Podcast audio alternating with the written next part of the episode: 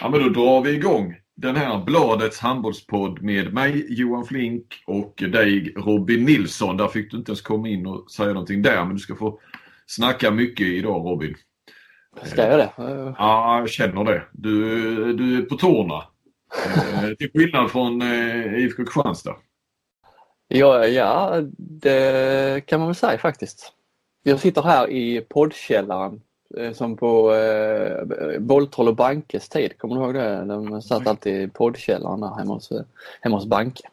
Jag sitter faktiskt inte i Helsingborg, jag sitter i, en, eh, i vår sommarstuga i Skummeslövstrand.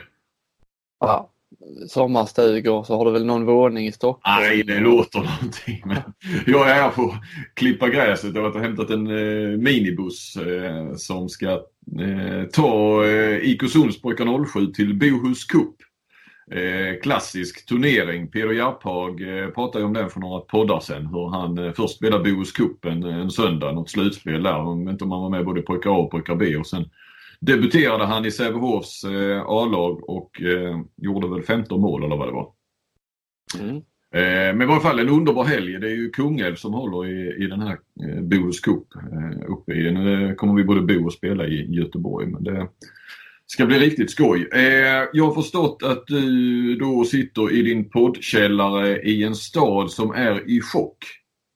Har väl lagt sig lite nu kanske men eh, eh, annars eh, nu åkte de ju, Kristianstad åkte där i, vad var det nu, i lördags va? Det var så ja. länge sedan det känns som. Men det var ju ah, chock kanske att eh, folk kan liksom vänja sig, så, så, känner jag själv i alla fall, att man liksom han, eh, han vänja sig vid tanken att det blir nog inga, inga, inga finaler i år efter två raka förluster och vi pratade lite om det senast med att det skulle bli svårt att vända detta. Även om du var lite mer positiv och mina kollegor, alla var positiva utom jag och, och lite del, delvis folk. Men det var ju inte nära till slut ändå. Eh, det som pågår nu är egentligen någon slags den här veckan har varit någon slags vecka av ledighet och eh, självrannsakan då i Kristianstad med spelarmöte, kanske skulle krismöte vet jag eh, på gränsen till krismöte i alla ja, fall. Kvällstidningar, kvällsblaskorna hade ju skrivit krismöte. Hade ja, ju krismöte. Ja. Jag tror jag skrev utvärderingsmöte. Inte lika rubrikkompatibelt de hade väl haft det, det, det var väl, det är väl ett möte de hade haft eh, när deras säsong hade tagit slut ändå så att säga. Antagligen. Oavsett när så att det är så sett inplanerat. Nej det är kanske fel att kalla det krismöte. Sen fick jag, eller sen eh, fyllde de även i sådana här eh, eh, anonymt då eh, enkäter kan man väl säga. Eller inte, mm. ja, ja, vad heter det, formulär. Superenkäter? Nej, Inga, inga superenkäter men det var digitala formulär om säsongen där man liksom kunde lägga ut texten. Ja, digitala, eh, då kan eh, Jesper Larsson säkert spåra IP-adresserna och sånt där. Det är inte anonymt det där. Det var ju det jag blev beskylld för en gång.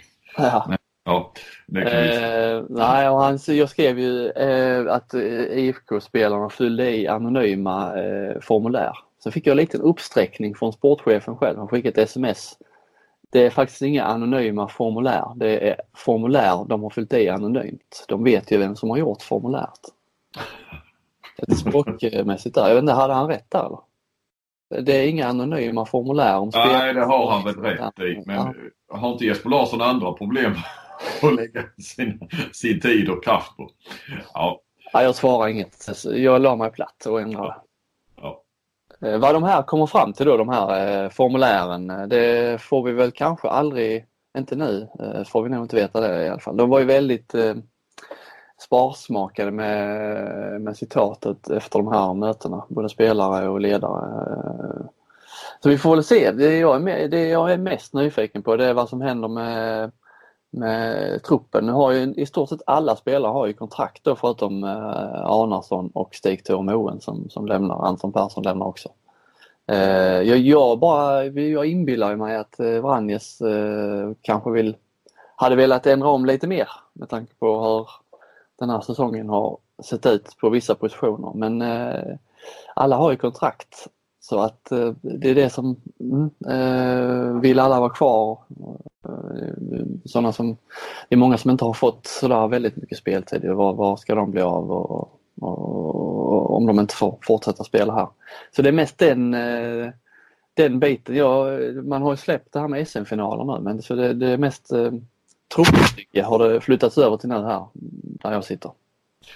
Ja, och tagit väl lite effekter gissar jag. Jag såg ni har skrivit om möjligheterna till en Champions League-plats. Och det här snacket kommer igång nu då ju. Vad, vad betyder detta för Sverige, svensk handboll och Champions League? Och det, Kristianstad tycker väl att de, de behöver vara där och det kan väl andra också tycka. Liksom, att, och försvara det här platsen i, i toppdivisioner och så vidare med, med sin publik och så. Mm. Får Alingsås och Sävehof samma samma möjligheter. De kan inte svara upp riktigt i samma parametrar. En del av de parametrarna som gör att man får en plats. Nej, det är ju, det är ju de här luddiga med arena, publik och sponsorer och eh, allmänt drag runt klubben. Det är sådana konstiga. Det sportsliga hamnar långt ner på den ordningen, rangordningen känns det som.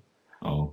Men är det, i, i Kristianstad, jag tror att de kommer söka wildcard i alla fall. Det är inte säkert att de får det men, men i teorin så så i teorin så skulle det till och med kunna bli Kristianstad får en plats i AB-grupperna och svenska mästaren i C och D-grupperna. Mm. Eh, det hade ju varit, eh, det hade ju väckt viss diskussion här i Sverige. Har, har eh. den här diskussionen väckts om att seriesegrarna ska få platsen i Champions League? Nej, Ja men det kan, väl, kan jag tänka mig annars att en del Kristianstadsbor eller Kristianstad handbollsfantaster tycker. Den har man ju tyckt, så har man ju tyckt förr på många håll. Eh, Staffan Olsson var ute och snackade om det redan 2000 då när, han, liksom när Hammarby var som bäst. Mm. Um, för att de är kanske liksom det laget som vinner ligan är kanske det som är bäst rustat på något vis för Mm, ja, jag kommer ihåg det att jag har, jag har faktiskt inte ställt frågan. Eh, hade man gjort det så hade man väl kunnat få ett eh, svar eh, som man hade kunnat skriva en text av bara. Jag vet eh, det känns som de håller lite låg profil. Det är inte läge direkt och eh, alltså det blir så jävla lätt att det blir bitterhet och, och så. Det är väl klokt av dem att ligga, ligga lite lågt. Vad tror man om effekter på publik och så då? Mm, det, utåt så eh, tror man väl egentligen ingenting. Eh, mer än att det blir mycket, det blir färre, alltså det blir ju inkomstmässigt är det ju eh, ett stort back om man inte skulle få spela i Champions League. De har ju sålt eh, separata säsongskort för Champions League då, sju hemmamatcher i arenan. Eh, varje hemmamatch där, det, det ju inbringar rätt så mycket kosing till både IFK och till det här arenabolaget som driver mm. matcherna. Så, det är väl mer det de jag har pratat med har varit lite så oroliga för. De går ju också miste om en, två eller tre finaler på hemmaplan också i år. Mm. Sannolikt fullsatta då ja, så att det är ju årsmötet i sommar, senare i sommar kan, kan ju bli eh, spännande att gå på eh, för en skull. Det eh, har ju bara varit guld och gröna skogar nu här några år i rad. Vi får se vad det landar på lite med vad truppen, nu sa Jesper där idag, sportchefen, att eh, truppen blir ungefär lika dyr som i fjol. Och kanske att det var någon annan spelare på gång in eh, också på någon annan position. Så att, eh, men man sen de har, har ju alltid sagt att de har ju råd att ha eh, ett eller två dåliga år ekonomiskt och ändå liksom eh, kunna satsa. Mm. Så att de, eh, det här är väl ett sånt år förmodligen. Eh, kan det bli lite desperation hos Vranjes och, och Jesper Larsson, eh, tänker på värvningsfronten, alltså att, att eh, eh, ta in något, eh, ja ta in något tungt eh, nytt. Eh, liksom dels för att visa att vi fortsätter satsa och naturligtvis för att förbättra laget kanske. Och så. Alltså när det blir en sån här sorti. Ja, men sen har de ju, där är liksom, alla har kontrakt. Ja, fullt, de måste, ja. ja. det är fullt ja. Och de har ju ändå någon slags budget att hålla sig till så att jag tror inte det finns utrymme för hur mycket, i så fall måste någon spela bort. Ja. Uh, det, är inte, det är ju inte riktigt fotbollsmarknad heller eh, på något vis. Så att, eh, det är klart att där finns flera spelare som skulle säkert vara intressanta för andra klubbar men jag menar det, det finns ju inga pengar att köpa loss. Det är klart, vill de bli av med spelare Kristianstad är de väl beredda att släppa dem jättebilligt även om de är under kontrakt. Men spelare sitter ju på eh, lönerna i Kristianstad är ju väl generellt högre också så att eh, skulle du byta till eh, få mer speltid någonstans i, i handbollsligan så är det ju säkert lika med lite lägre lön kan man ju tänka sig. Mm. Mm. Ja, och det är väl inte alla sådär jätteintresserade av heller. Det, men det beror på vad man, vad man säger till spelarna. Vill du vara kvar så ja, visst kämpa för din plats. Då kanske man stannar. Kommer man till kommer sportchefen till en spelare och säger du kommer inte få spela någonting här i år. Eh, jag skulle rekommendera att, eh, att vi bryter kontraktet. Mm. Ja, då kanske man eh, ändå tvingas göra det som spelare. Ja. Och inte paja hela karriären. Liksom. Nej, men snackar vi sen eh, budget och så att det ska bli något utrymme för något större i budgeten då gäller det ju att släppa dyra spelare, alltså spelare som, som kostar en del i lön. Typ Mark Canes. Ja. Ja, han, han, ja, men det är klart efter den här säsongen är inte han särskilt het. Alltså det är ju en sån som skulle kunna gå hem till Spanien såklart. Eh, eh. Han gör kanske en Tatarintsev då. Han gick ju tillbaka till klubben han kom ifrån. Så äh, Granollers lär väl ja, nu spekulerar vi vilt här men eh, Granollers eh, lär väl ta emot, ta tillbaka honom med öppna armar. Eh, ja. Även om han har gjort en lite svagare säsong. Men jag tror det ligger en bit fram i, ja. i, tiden där. Det är ju träningen, sommarträningen. Det har varit en eh, diskussion här eh, att har Kristianstad varit för dåligt tränade? Eh, jag tror inte att eh, egentligen har väl Vranjes aldrig sagt att de har varit för dåligt Nej. tränade. De har, eh, det har mer varit med den mentala inställningen på träningarna, själva träningarna har varit för dålig kvalitet på. Så. Ja. Eh, det är väl egentligen, om man verkligen granskar det han har sagt, så är det ju det han har sagt. Ja, det känns som det har um, lite övertolkats. Eh, Fått ett och, eget liv det. Och, ja, och riktats lite mot då mot Ola Lindgren och det, det tror jag Vranjes är för smart för att överhuvudtaget eh, antyda och det är ju inte det han säger heller egentligen. Utan han lägger ju mer det på spelarna. Att, ja, kanske indirekt i och för sig. Ola har ju med, med liksom hur skärpan och kvaliteten är på träningen såklart. Men är, han har väl inte sagt att de har tränat för dåligt? Eh, Nej, alltså inte tränat. Liksom. Eller för dåligt tränade. Nej. Det har han ju definitivt inte sagt om jag har förstått det rätt. Alltså rent eh, att det skulle handla om fysik så att säga. Nej, nej. Däremot sa han, det var faktiskt innan slut, det var redan när han kom första gången där. Eh, han hade varit varit här någon vecka. Ehm, det var innan slutspelet började till och med. Då sa han att eh, då tyckte han att det var, hade blivit, redan då sa han också att träningarna hade blivit, eh, jag tror det var förslappade. Mm. Han var överraskad över det och han då sa han där, jag vet ju att Ola är professionell så jag vet inte vad det, vad det handlar om, om det, om det är att han har lämnat eller om det har sett ut så här länge men han tyckte det var förslappat.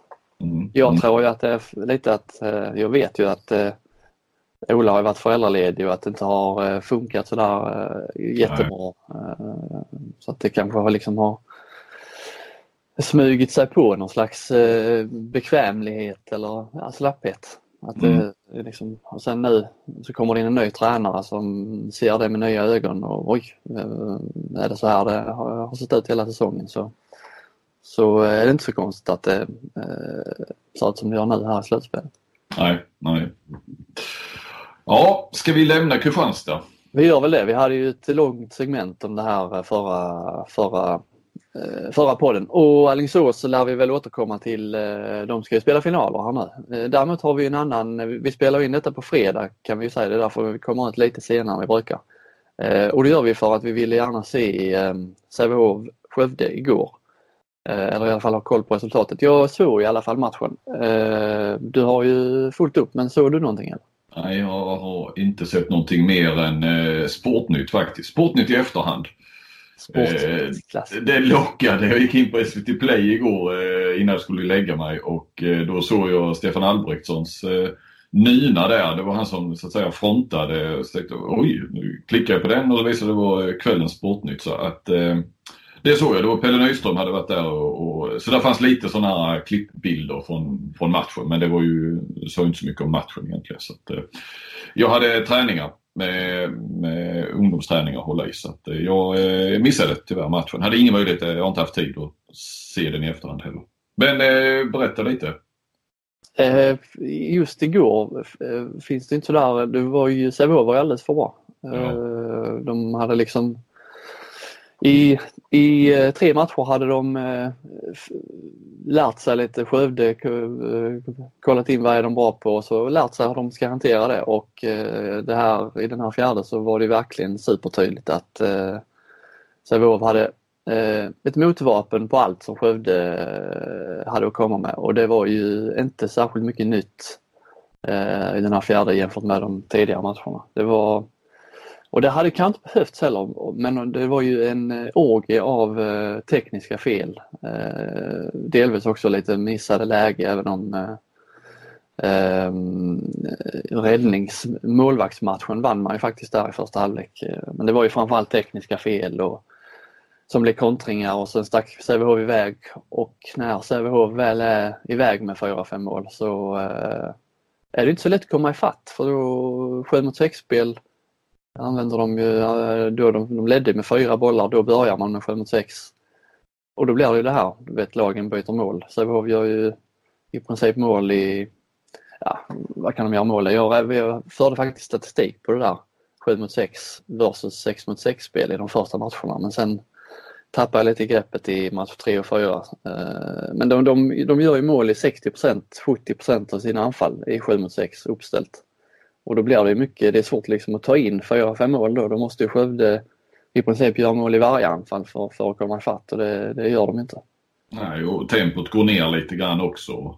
Ja. Eh, blir väl lite frustrerat med om man ligger under. Man får inte den där momentumet kanske. Det är svårare, kan jag tänka mig, att få det när, när motstånd, motståndaren börjar spela 7-6. Som dessutom fungerar.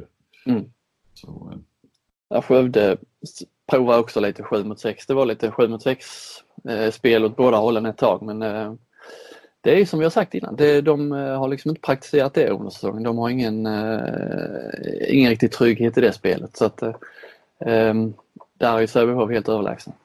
Mm. Så igår var det faktiskt inget, inget snack. Sävehof, jag skrev ju att de, Skövde blev söndercoachat och det är bara att lyfta på hatten ändå för, för Stockenberg. Man får ändå hylla, hylla det han gör. Han, eh, han är ju så långt ifrån eh, man kan komma de här tränarutbildningarna skulle jag säga. Han har ju eh, pratat rätt mycket om den här permen själv genom, genom åren. Mm. Och han, men Stockenberg använder... Som han inte gillar, nej. Nej, precis. Nej, nej. Det, ju, det, står ju för förbundet och, och lite så ju. Alla, alla tränare ska gå i samma skola och så här. Mm. Uh, och det, där det, den, den traditionen eller den kulturen är han ju uh, inte direkt en del av. Jag menar, han kör ju allt som är allt som är tabu inom den, den här traditionella handbollsfamiljen. Det, det använder han sig av. Uh, mm. Punktmarkering var ju länge sedan man så. Körde han i förra matchen uppe i Skövde. Med faktiskt viss lycka där. 7 mot 6 är det bara han som har satt i system. Eh, lite stöddig på Twitter får man väl säga. Lite? eh, och så de här slagskämparna i försvaret. Eh, hela, liksom, eh, hela den filosofin är ju så långt ifrån pärmen man kan komma. Ja. Eh, så att, men han har ju liksom Vinna är ju viktigast och där har han ju onekligen lyckats. Ja, eh, och hans, eh, ja, jag tänker lite på den här approachen han har som vi då eh, får se på utåt på Twitter till exempel. Eh, eh fallhöjden blir ju högre men eh, nu har han ju svarat upp mot den, verkligen. Så att, mm. Jag hade ju en, en rätt så lång krönika i, den ska vi verkligen inte dra här. För den får man, kan man gå in och läsa. Man får betala för att läsa den men om man inte har plus. Men eh,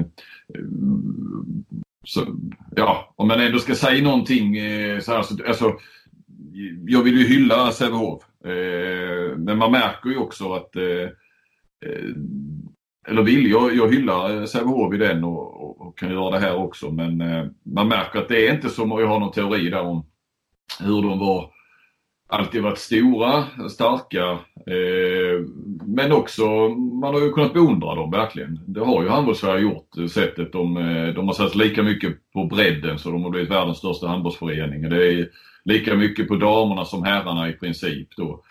Lika stora resurser, alltså jämlikheten. Och får upp sina, eh, ja det är ju egentligen mycket egna talanger och det spiller till och med över så att de hamnar i andra klubbar som kan dra nytta av det. Och hela den biten har ju, har man ju verkligen kunnat, alltså det Sävehof har alltid väckt, eller alltid, men under 2000-talet när de blir riktigt stora, väckt avund men också beundran.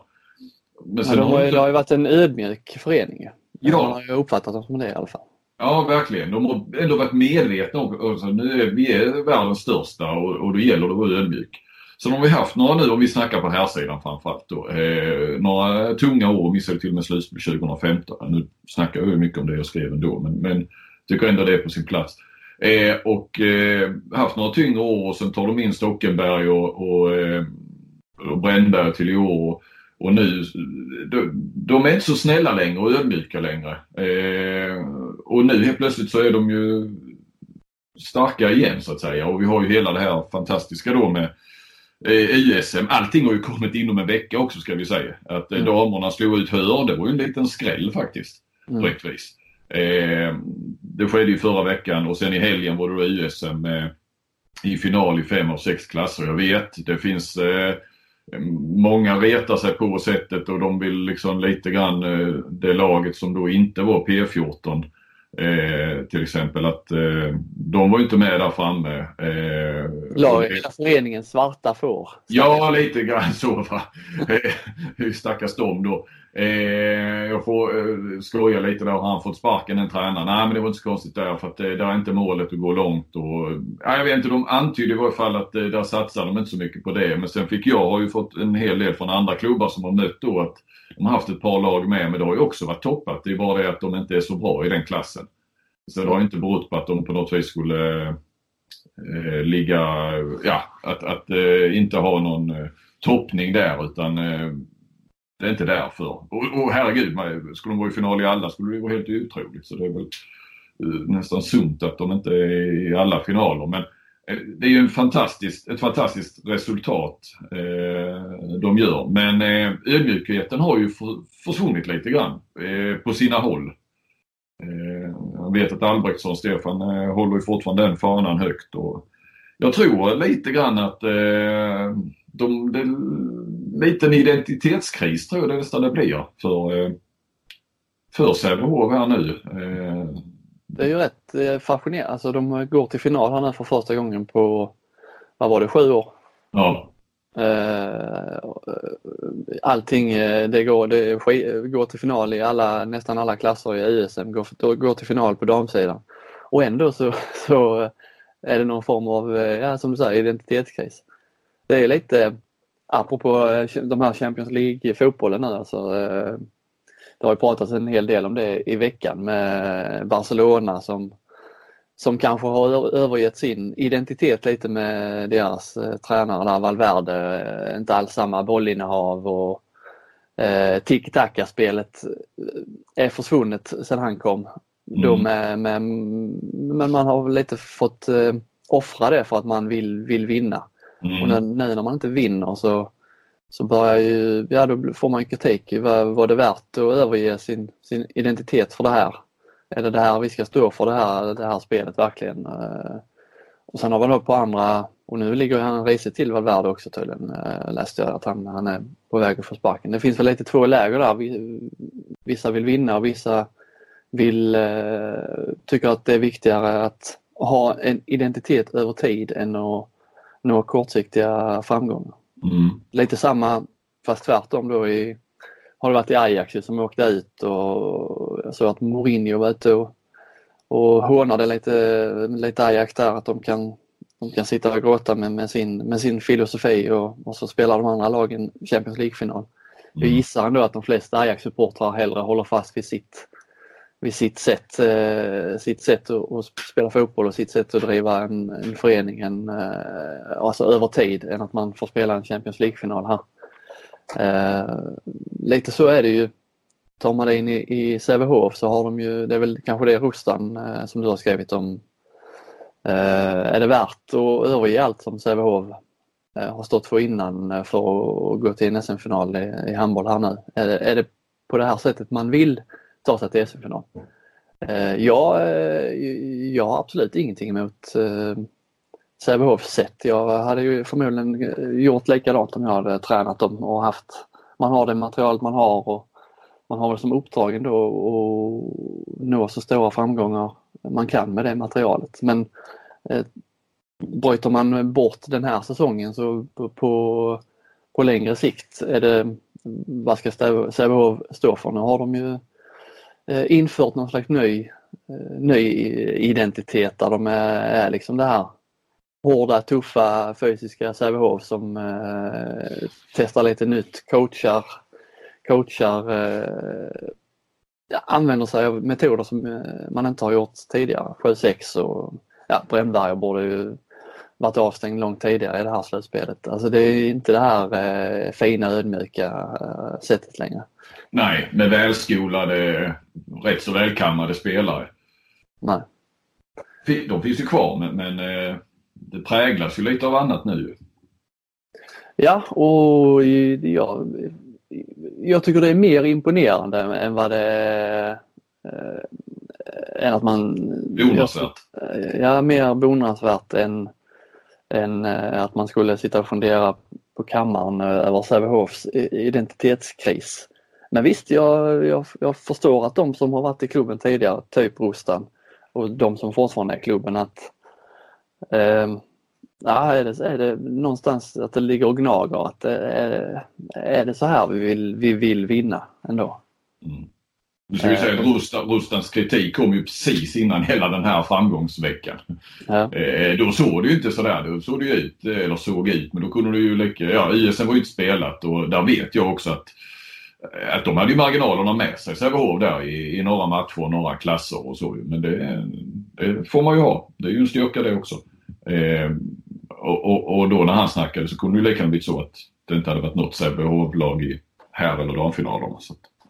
Nej, jag vet inte, det är kanske därför det inte finns heller plats. Alltså, de vill inte ge Stockenberg eh, jag har förstått att det, allt har inte varit eh, bara klackarna i taket där. Han lämnar ju av en anledning. Eh, att de inte har velat ge honom liksom fullt förtroende. Alla ser ju att det är han som är tränare men ändå så är det eh, Eliasson som på något sätt ska vara tränare utåt och som ska uttala sig i media och att han liksom inte får, får fullt förtroende där, Stockenberg. Kanske inte får den, eh, jag gissar kanske att han känner att han inte får den cred internt som han kanske förtjänar.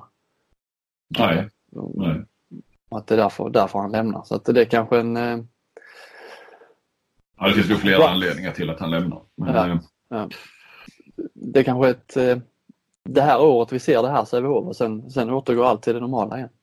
Ja, det ska ju sättas en helt ny eh, ledning här också. Eh, pratade med Stefan Albrektsson igår. Eh, de funderar ju fortfarande och vet ju inte riktigt hur, vilka positioner de ska ha och så. Eh, han har ju gått in som sportchef igen. Eh, kanske på ett vis, även om då eh, Abbe står kanske är ju klassiskt Sävehof så, så tror jag inte det har varit eh, fel för dem eh, lite indirekt för de sportsliga. Jag tror han har en del i eh, framgångarna faktiskt. Att han är tillbaka efter att ha fokuserat på arenan och andra saker under, under flera år. Eh, Eliasson slutar ju nu eh, sista maj. Stockenberg slutar. Hanna Fogelström är ju då manager för damerna och eh, har med akademin att göra och hon tror jag ska vara kvar. Men sen ska de ju sätta, det finns ju jättemånga här. Ska de ha manager? Ska de ha huvudtränare, assisterande tränare? Ska de ha en mer operativ sportchef? Eh, ja, det blir jäkligt intressant eh, vilka val de gör nu. Mm. Ja, jag vet inte, har du, eh, ska vi prata någonting eller vet du någonting om deras tränarframtid, eh, vem som ska ta över här laget? Eh, nej, det vet jag inte. Eh, jag har hört rykten om Ola Lindgren eh, och det ska det inte vara. Och sen hörde jag ett rykte om Staffan Olsson eh, och det ska det inte heller vara. Jag har hört rykte om... Så här långt i varje fall. Alltså jag pratade med Staffan och han hade inte hört någonting. Nej, jag pratade faktiskt med Ola om detta med det, det här Sävehof-ryktet. Men det var som du säger, det var, fanns ingen, ingen sanning i det. Eh, Apelgren, kanske från Elverum, har man hört? Ja, det är, det, det, det är ju ett namn såklart som eh, måste dyka upp väldigt tidigt och eh, skulle jag tro även hos Sävehof. Det är ju Albrechtsons svärson väl? Mm. Eh, och, eh, men men eh, ja, Han tjänar ju bra i, det gjorde vi väl något, det var något knäck i VG. Vad var det, en miljon eller var det över en miljon han tjänar om året i Elverum? Ja. Eh, och han har väl kontrakt ett år ja. till? Ja. Eh, ja, jag menar, eh, ja. Ja, nej det, ju, det, finns ju naturlig koppling, Apelgren, men, men eh, jag kan ju nästan se Apelgren vara redo för ännu större uppgifter om man säger så. Ja, precis. Ja. Jag, så jag hade honom liksom lite grann som en ny svensk förbundskapten. Alltså en, en kandidat definitivt. Mm. Eh, tränare, för, eh, när vi ändå är inne på den, eh, du, du, har ju eh, skrivit lite om det. Årets tränare blir en, eh, blir en svår nöt att knäcka i år. Lite kanske föll Ville bort nu ändå. Eh, ja. Från, från segertankarna i alla fall, eh, Skövde. Annars har han varit en, han har väl eh, Eh, toppat bettinglistorna så här långt under säsongen eh, fram, fram till igår. Eh, men nu, nu, nu, står det väl ändå mellan Franzén och Stockenberg? Ja, det, det, det, det, måste det väl göra. Men, men du ska inte glömma att Wille tog ändå ett, ett lag som inte hade spelat slutspel på väldigt länge. Eh, som i och för sig hade man ju en känsla av, eh, mer byggt på, på kanske värvningarna och så, att, att de skulle gå till slutspel i år men det var ju ingen som trodde de skulle hamna så högt. Så sett över hela säsongen har han gjort det jäkligt bra. Franzén eh, är det ju egentligen, det är ju framförallt eh, att de slår ut Kristianstad. Mm. Eh, och det ska ju verkligen inte förringas men, men där snackar vi kanske inte hela säsongen utan snarare en, en, ja, en bra vecka eller en och en halv. Sen har han, han, har, eh, han har haft lång tid på sig. Där finns ju ett grundspel och en grundtanke, någon slags trygghet som mm. har existerat under alla år. Så hade jag fått rösta, vilket vi väl ändå ska tror jag, Uh, jag, det, det, jag är nog inne på Stockenberg, alltså uh, oavsett hur det går i, i finalen. Det han har uh, vänt Sävehof till den här segermaskinen som det ändå har blivit. Och jag, även om jag hatar 7 mot 6 så Eh, eh, allt, hela, det är inte sådär värst underhållande att titta på Sävehof kanske alltid men när det ändå handlar om coaching, man gillar ju sånt här med coaching olika, han har liksom eh, plockat fram så jäkla mycket olika, testat så många olika grejer i de här eh, slutspelsmatcherna och fått utdelning på i stort sett allt och lyckats bygga in någon slags, eh, alltså det, det trycket de hade i sitt försvarsspel igår och det, eh, den mentala liksom eh, hela tändningen på hela, på hela laget. Jag tycker det är jäkla imponerande det de har lyckats med så här långt. Jag håller nog ändå Stockenberg som, som högsta. Även mm. om han eh, står för mycket som jag inte eh, tycker sådär mycket om. Nej, nej. Nej, jag håller med dig mycket. Jag ser var jag lägger min röst. Eh, den ska ju då läggas innan, eh, här nu, vilken dag som helst. Eh, så det blir ju innan finalen. Då har vi inte ens nämnt Jasmin Sutta som vi också får säga har, gjorde ett jäkligt bra jobb med RIK. Som vi har kanske det sämsta spelarmaterial eller det minst duktiga spelarmaterialet av, uh, av de vi diskuterar. Ja. Som, trots allt är det väl han som har gjort mest uh, med vad han har. Ja. Och skakade i Kristianstad. Uh, hade kanske varit i semifinal i varje fall. Mm. Ja, om, var... om han inte hade stött på Kristianstad som ändå blev övermäktigt. Mm. Jag ska säga också Stockenberg eh, vet jag, eh, det, har ju inte, det ska inte bli eh, årets tränare för det är inget kriterium eller motivering till det men han och Larholm har ju tydligen också höjt nivån på det här Partille-gymnasiet. Mm. Har jag förstått. Gjort ett bra jobb där tydligen att, att, det, att de har lyft det. Hörde du eh, förresten, eh, nej det gjorde du inte om du inte såg matchen igår, i timeouterna. Det var eh, lite sånt här jag tycker är kul. Vid varje timeout, ehm, i slutet av varje timeout så brukar lagen liksom, kom igen nu grabbar, 1, 2, 3, hej! Så mm, innan man mm, börjar mm. spela igen. De hade, så bytte sån här lite slut, slutkläm vid varje timeout faktiskt rätt så... så... Jaha, de hade liksom en ny för varje timeout? Undrar om de har en för den första alltid och samma för den andra och samma för den tredje så att säga? Ja, man hade någon, de skulle ett, två, tre tillsammans och sen var det någon Där, eh, jag vet inte vem det var som, som ledde själva, själva snacket där, eller ledde själva avslutningen i. Men då skulle han skrika en sak och så skulle laget skrika ett annat. Kan vi, faktiskt, vi kan lyssna lite på, på några av de här timeouterna. Det är lite kul. Jag säger vägen. Hela! Här kör vi en. Ett, två, tre, våga! Våga! Johan! Johan på tre! Ett, två, tre! Johan! Kom bort! Ja, det är sånt som eh, sånt lyfter min, mina handbollskvällar när det mm. dyker upp sådana små guldkorn. Ja, ja. Det, det, jag tycker det säger någonting också om eh, sådana små grejer tycker jag visar att eh, det finns en rätt så eh, härlig lagsammanhållning. Ett litet go i laget som, som visar sig på sådana här sätt. Små fyndiga, men lite kreativa även i timeouter. Och mm. att man har, eh, kan unna sig det i sådana här viktiga matcher. Kul! Mm. Hej, jag Ryan Reynolds. At Mint Mobile, we like to do the opposite of what Big Wireless does. They charge you a lot, we charge you a little. So naturally, when they announced they'd be raising their prices due to inflation, we decided to deflate our prices due to not hating you. That's right. We're cutting the price of Mint Unlimited from $30 a month to just $15 a month. Give it a try at mintmobile.com slash switch. $45 upfront for three months plus taxes and fees. Promote for new customers for limited time. Unlimited more than 40 gigabytes per month. Slows. Full terms at mintmobile.com.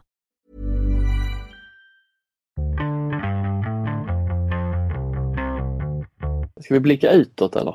Ja, men det kan vi väl göra och sen kommer vi ju, herrfinalen drar ju inte igång förrän eh, vi hinner spela in en podd till nästa mm. vecka. Mm.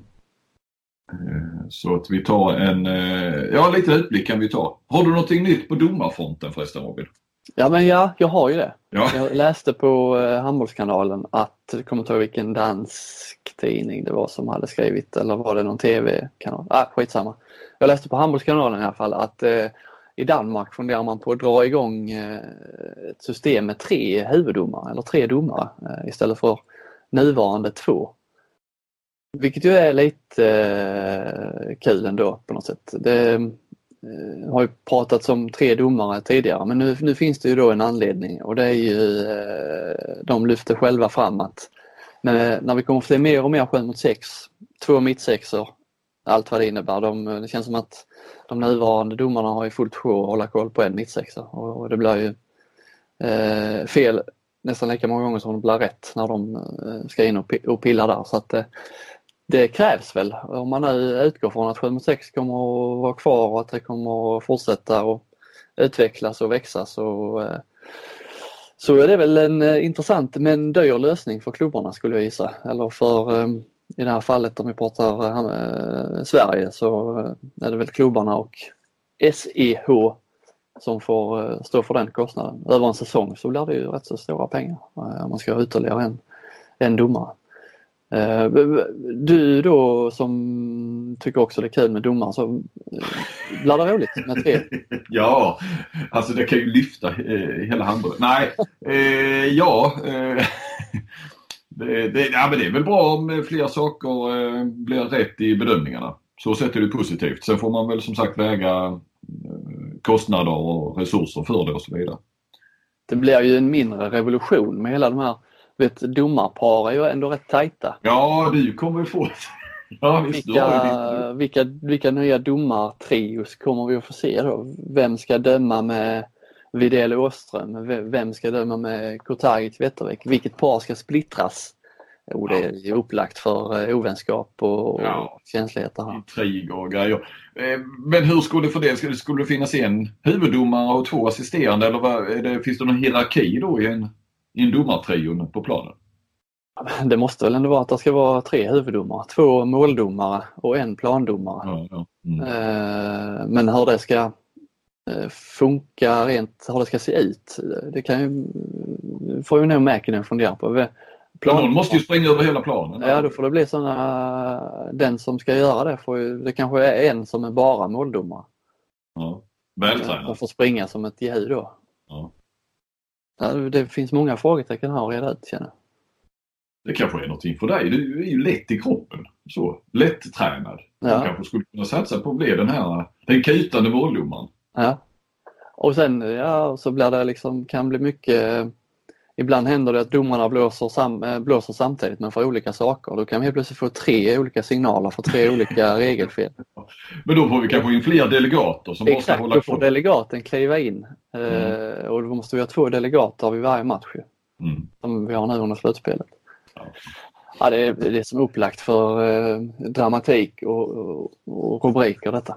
Framtida yrke. Delegat, det skulle man blivit. Ja. Podden förresten Flink. Eh, vi har haft en tuff vecka. Du har haft eh, kanske en tuffare vecka än vad jag har haft. Det är mycket, eh, du, har fått, du har fått försvara dig mot mycket. Ja, eh, känt lite att podden, eller i varje fall vi, vi grundare av den, är lite under attack här ja. Eh, ja, men det, du har väl också fått en liten släng av sleven, kanske genom mig något mejl där. Men Ja, du, ju- du, det är någon som mejlar dig med kritik mot mig och sen istället för att försvara mig så bara skickar du det vidare till mig. Här har du, ja.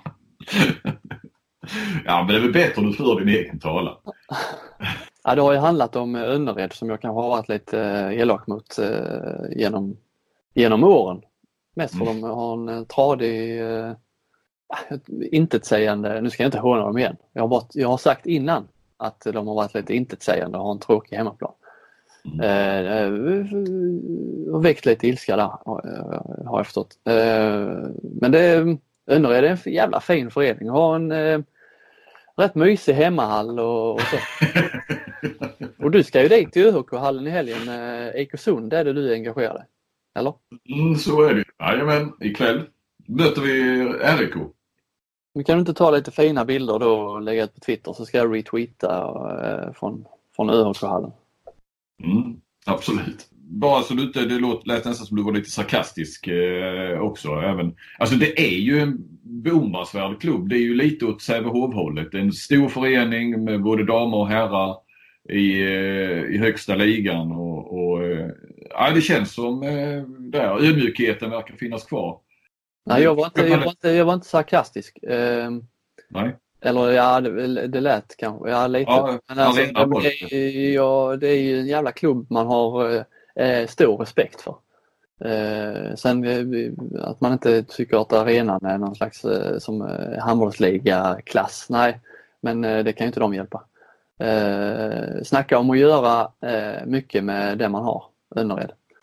Alltså ha klubb eller ha eh, lag på både här och damsidan i elit, bara en sån grej om man tar bort deras eh, ungdomsverksamhet. Så är det ju mer än vad Kristianstad har eh, lyckats med. Eh, Äger sina hallar. Det är ju där Önnered, det är ju tre hallar och de planerar att bygga två till till exempel. ja. Nej, så att det, det, det all respekt. Ska också, eh, fick ju mejl där att eh, de åker på turneringar då, det gör ju många lag. eh, Men tydligen, om jag förstod det, alla lag när de är 14-15 år så är man på någon turnering och passar då på att besöka Auschwitz också. Eh, koncentrationslägret. Det tyder ju också på någonting att man det är inte bara handboll. Man tänker ett steg längre, lite fostran och värderingar och så också. Mm. Så att, nej, Önnered ska vi balansera upp eh, lite grann synen på. Mm, eh, du, du, och sen är det ju, du har ju eh, fått stå till svars för mycket. Jag gillar, eller gillar, jag tycker det eh, det här med Canellas, eh, att han skulle vara årets värvning. Du har fått eh, ta mycket skit för det, även vi faktiskt. Eller jag hade ju honom som årets värvning men eh, jag har blivit mindre attackerad. Du hade ju något eh, litet Twitterkrig där med Frändesjö som har varit, eh, varit igång rejält på Twitter i veckan. Eh, Mm. Delvis lite mot dig då med, med, med, med Canellas. Ja, eh, han, han gick ut där nu när de blev utslagna och, och twittrade eh, någonting, står du fortfarande för det här? Eh, eller, ja, typ någonting sånt och så skrev jag att nej det, det gör jag inte. Och, och, men jag menar så, nej, han tyckte liksom att eh, jag, jag blev lite förvånad att han liksom, han satt och, att han kom ihåg det. Får man väl då imponeras av. Det var som att han liksom noterade den och sen satt och väntade och ruvade på den tills eh, eh, Kristianstad skulle åka ur och då, då eh, kom den. Eh, men eh, nej men det är ju klart att man ibland tror fel. Eh, men jag tror ändå att, att det skulle bli ganska tråkigt om vi, om vi inte gissade, tippade eh, så, eh, vi som jobbar i det här yrket. Utan vi bara väntade till vi hade ett resultat och så skrev vi om det.